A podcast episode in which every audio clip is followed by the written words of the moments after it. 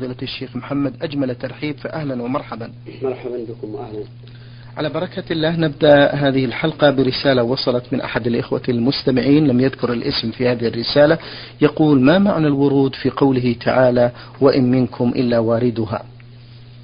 الحمد لله رب العالمين وأصلي وأسلم على نبينا محمد وعلى آله وأصحابه ومن تبعهم بإحسان إلى يوم الدين. نحن نشكر السائل على سؤاله عن معنى هذه الآية الكريمة ونود أن يحتدي المسلمون حذوه في البحث عن معاني آيات القرآن الكريم. وذلك لأن الله أنزل كتاب وبين الحكمة من إنزاله فقال تعالى كتاب أنزلناه إليك مبارك ليدبروا آياته وليتذكر أولو الألباب. فوصف الله تعالى القرآن بأنه مبارك لبركته في آثاره وفي ثوابه. وبين الحكمة من إنزاله وجعل ذلك في شيئين. الأول ليدبروا آياته أي يتفهموها ويتفكروا في معانيها مرة بعد أخرى حتى يصلوا إلى المراد منها. والأمر الثاني أن يتذكر أولو الألباب والتذكر يعني الاتعاظ والعمل بما علم الإنسان من معاني هذه من معاني الآيات الكريمة.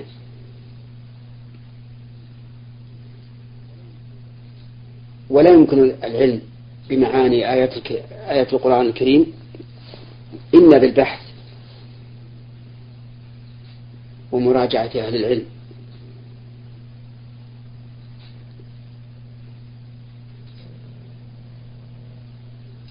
وعلى هذا فنقول أنه ما منكم من أحد إلا وارد النار أي سيردها. واختلف العلماء في الورود المقصود بهذه الآية. فقيل معنى الورود؟ أن الإنسان يقع في النار لكنها لا تضره بشيء. كما أن إبراهيم عليه الصلاة والسلام ألقي في النار فقال الله تعالى يا نار كوني بردا وسلاما على إبراهيم فكانت بردا وسلاما عليه.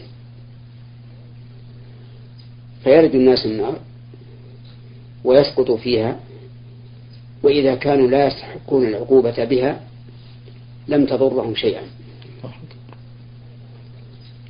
وقال بعض العلماء المراد بالمرور العبور على الصراط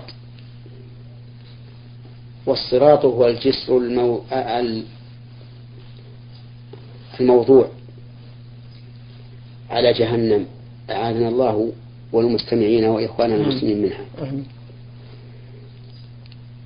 فيمر الناس على هذا الصراط على قدر أعمالهم وهو وهو ممر دحض ومزلة وعليه كلاليب تخطف الناس آه نعم وعليه كلاليب تخطف الناس بأعمالهم. والمرور عليه بحسب العمل في الدنيا. فمن الناس من يمر كالبرق ومنهم من يمر كلمح البصر.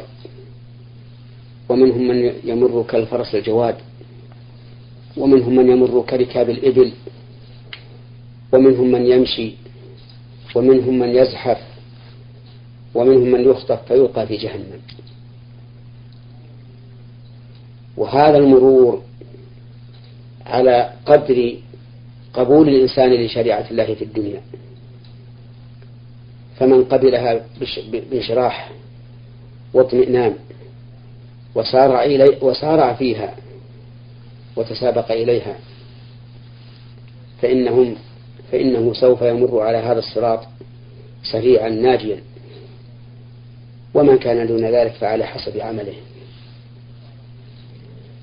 فصار في معنى الورود المذكور في الآية قولان القول الأول الوقوع في جهنم لكن لا تضر من لم يكن مستحقا للعذاب فيها والثاني العبور على الصراط الموضوع على جهنم. نعم. بارك الله فيكم.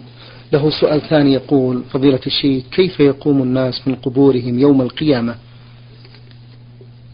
يقوم الناس من قبورهم حفاة عراة غرلا بهما. أما حفاة فمعناه أنه ليس في في أقدامهم نعال ولا خفاف ولا جوارب. وأما عراة فمعناه أنه ليس عليهم ثياب. العراة بادية. كما خرجوا من بطون أمهاتهم يخرجون من بطون الأرض. كما قال الله تعالى كما بدأنا أول خلق نعيده غرلا أي غير مختونين. أي أن القلفة التي تقطع في الختان في الدنيا وهي الجلدة التي على رأس الذكر تعاد يوم القيامة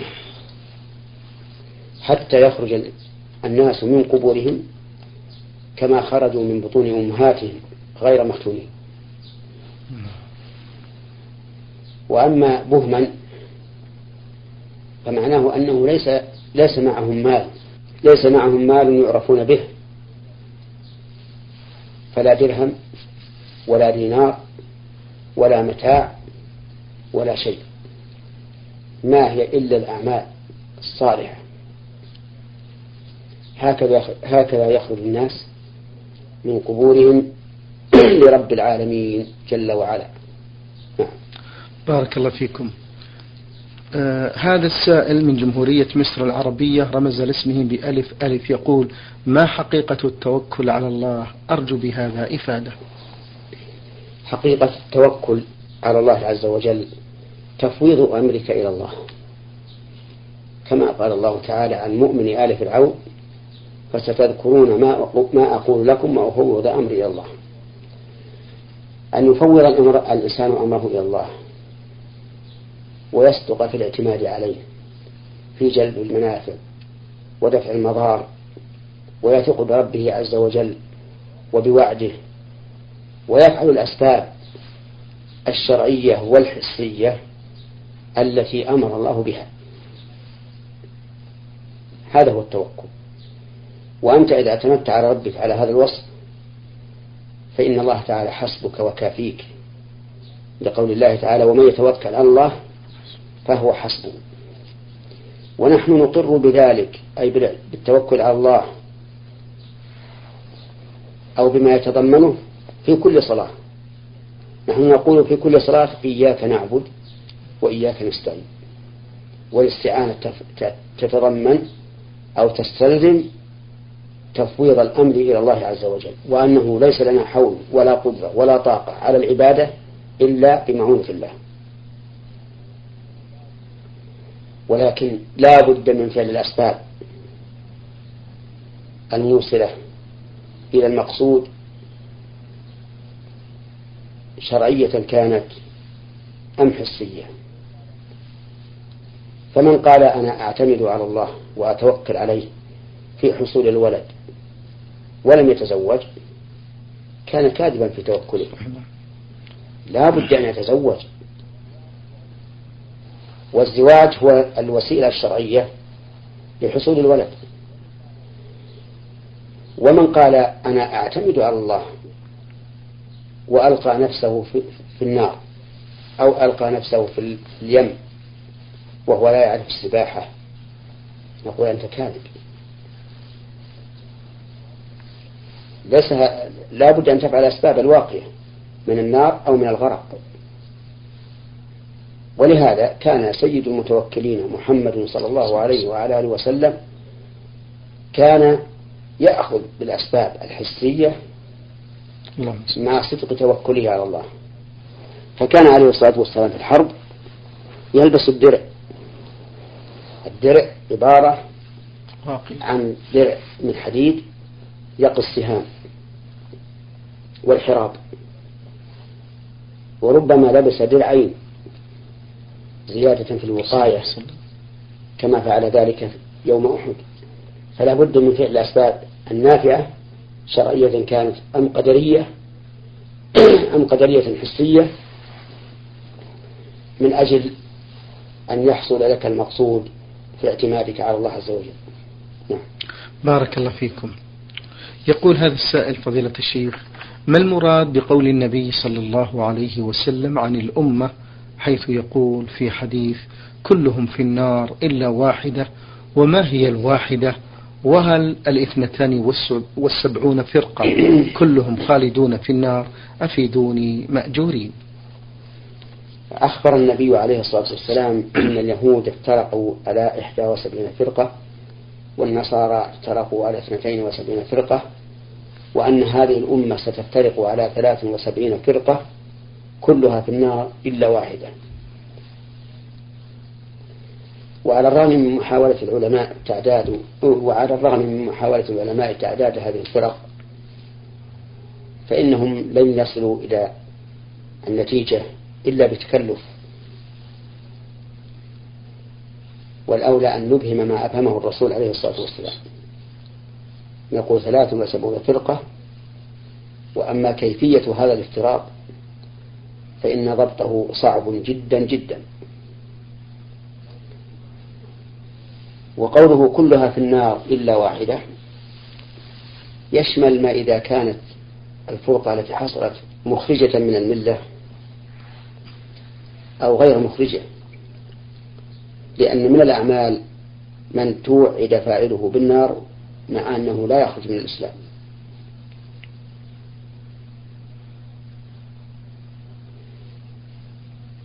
مثل قوله صلى الله عليه وعلى آله وسلم ثلاثة لا يكلمهم الله يوم القيامة ولا ينظر إليهم ولا يزكيهم ولهم عذاب أليم. المسبل والمنان والمنفق سلعته بالحديث الكاذب. ومثل قوله تعالى إن الذين يأكلون أموال اليتامى ظلما إنما يأكلون في بطونهم نارا وسيصلون سعيرا. ومثل قوله صلى الله عليه وسلم ما أسلم من الكعبين ففي النار يعني من الإزار. وأما الواحدة الناجية فقد بينها الرسول عليه الصلاة والسلام بأنها من كانت على مثل ما عليه هو وأصحابه. فمن تمسك بسنة الرسول صلى الله عليه وعلى آله وسلم وسنة الخلفاء الراشدين المهديين من بعده فهو من الناجين. والفرقة الناجية هي المنصورة إلى قيام الساعة سواء حصل منها قتال مع ضدها أم لم يحصل لأنها منصورة بظهور أمرها وسنتها.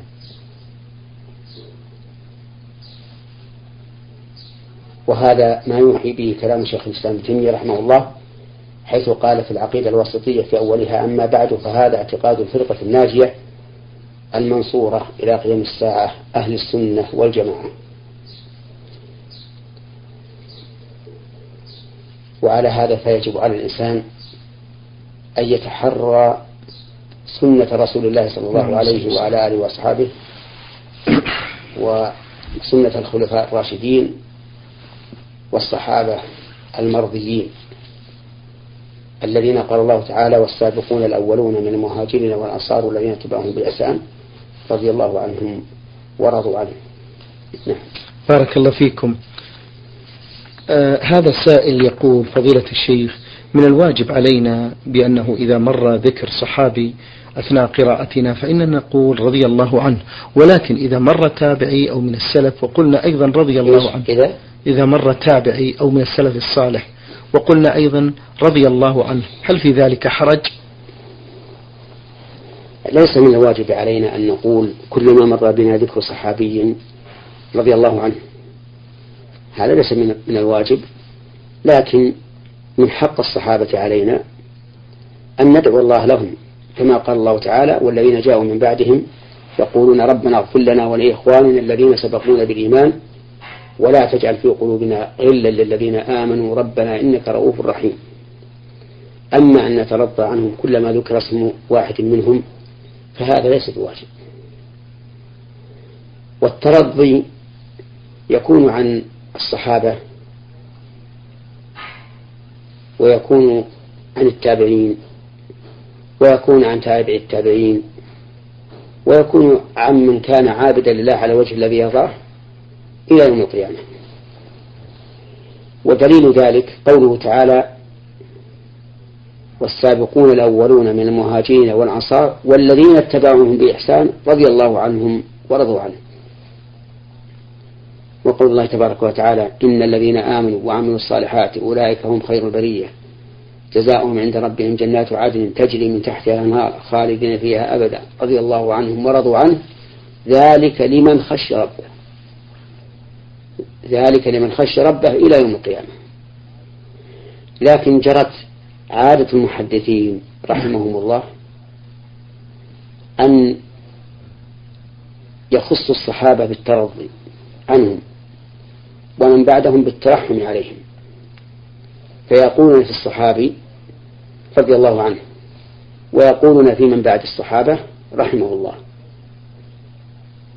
ولكن لو أنك قلت في الصحابي رحمه الله وفي غيره رضي الله عنه فلا حرج عليك. إلا إذا خشيت أن يتوهم السامع بأن التابعي صحابي والصحابي تابعي فهنا لا بد أن تبين فتقول قال عبد الله بن مسعود وهو من الصحابة رحمه الله مثلا. أو قال مجاهد وهو من التابعين رضي الله عنه. حتى لا يتوهم أحد أن ابن مسعود من التابعين ومجاهدا من الصحابة. نعم. في آخر سؤال للمستمع يقول كثيرا ما نسمع أن الساعة لا تقوم حتى يعم الإسلام الأرض ونسمع من جهة ثانية أنها لا تقوم ويبقى من يقول لا إله إلا الله في الأرض. فكيف نوفق بين هذين القولين؟ التوفيق بينهما سهل وهو أن كل واحد منهما في زمن آخر في زمن غير الزمن أو غير الزمن الآخر.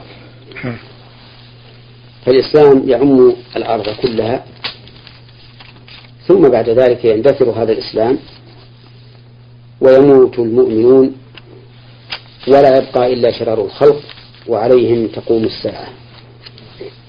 نعم. بارك الله فيكم. هذا سائل الحقيقة يقول تزوجت من إحدى أقاربي وأنجبت طفلين. واتضح لي بعد الإنجاب أنها أختي من الرضاعة فهل أنفصل وما حكم ذلك مأجورين؟ نعم. الجواب على هذا السؤال يحتاج إلى أمور. نعم. أولا ما هو الرضاع المحرم؟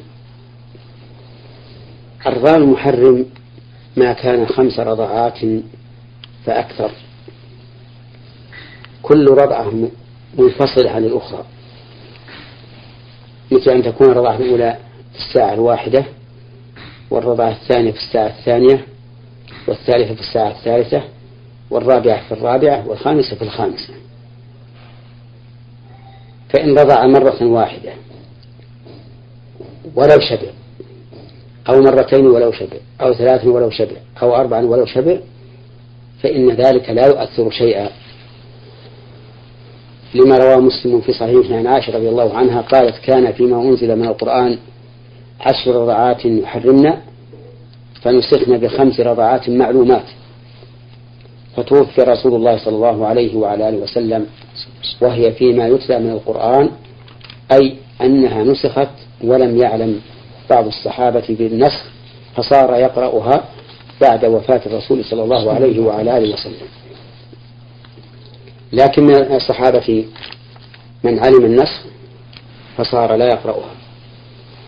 ولهذا لا تجد في القرآن عدد الرضعات بل ليس فيه إلا قوله تعالى وأمهاتكم اللاتي أرضعنكم والولدات يرضعن أولادهن فإن أرضعن لكم فآتوهن أجورهن.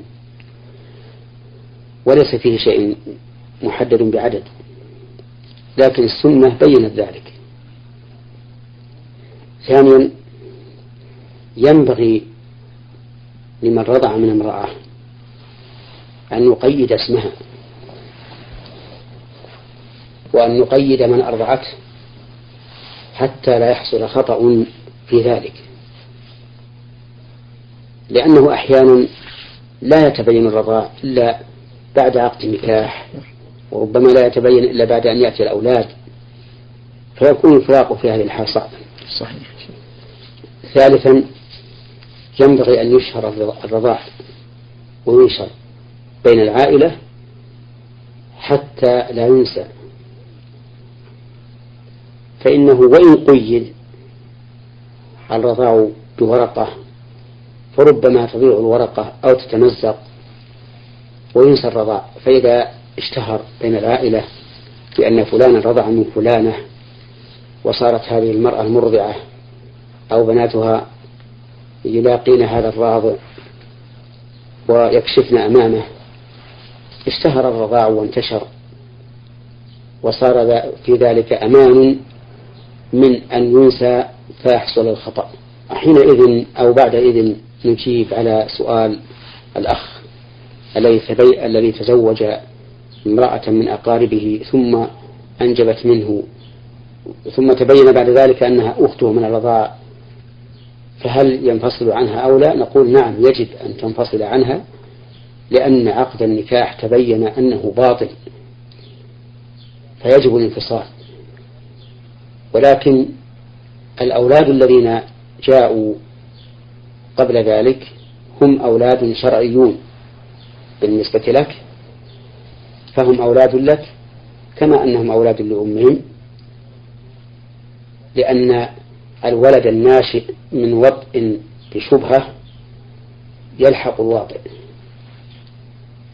لكون الشرع يتشوف إلى إثبات النسب وإلحاقه بمعلوم صار وطء الشبهة إذا حصل منه ولد موجبا لكون الولد لاحقا بالواطئ نعم.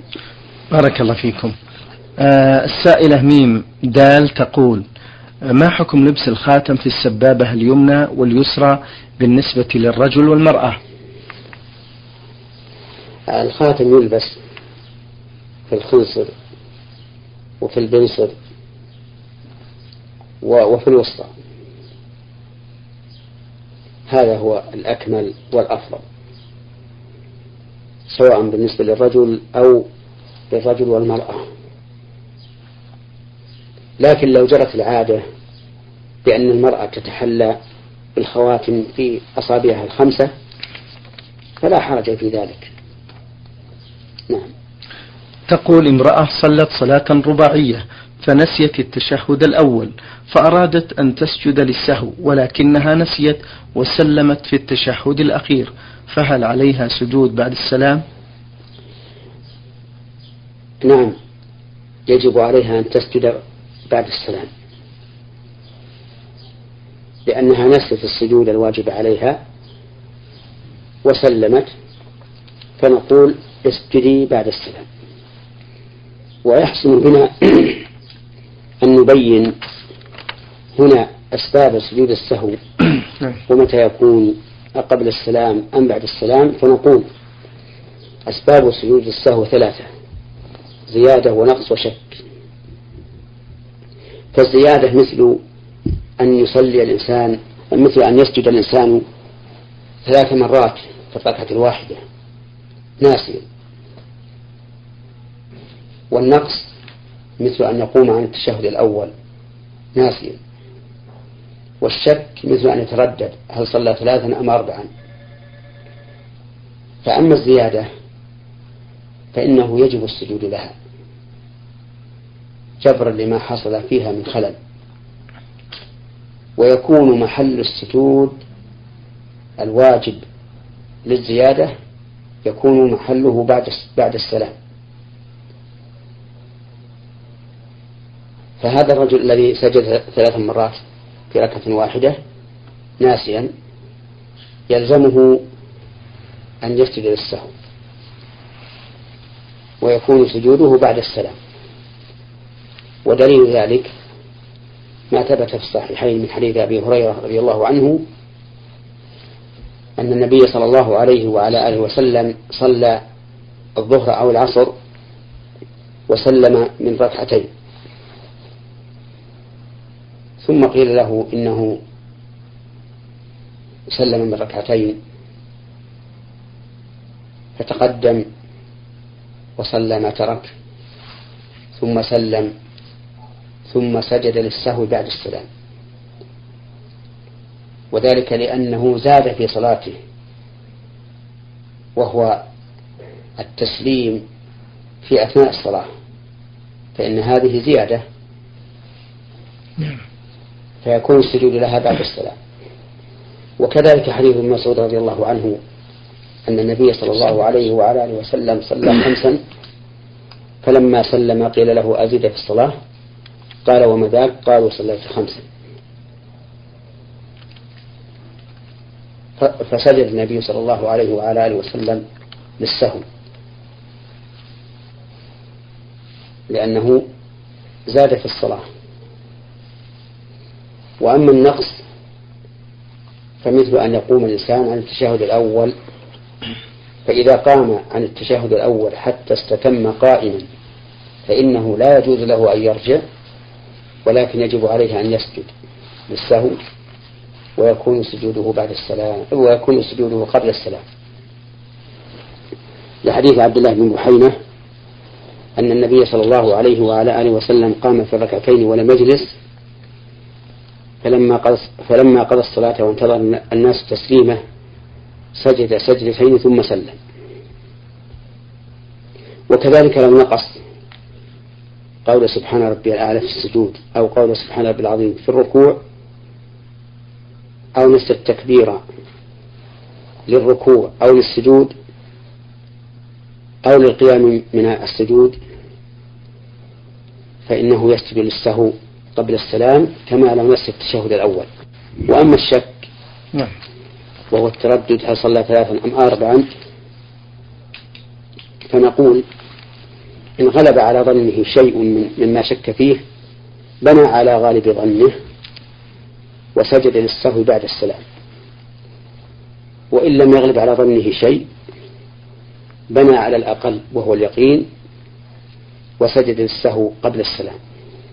هكذا جاءت السنة مفرقة بين الشك الذي فيه ظن وبين الشك المستوي الطرفين. مثال ذلك رجل شك هل هو في الثالثة أو الرابعة؟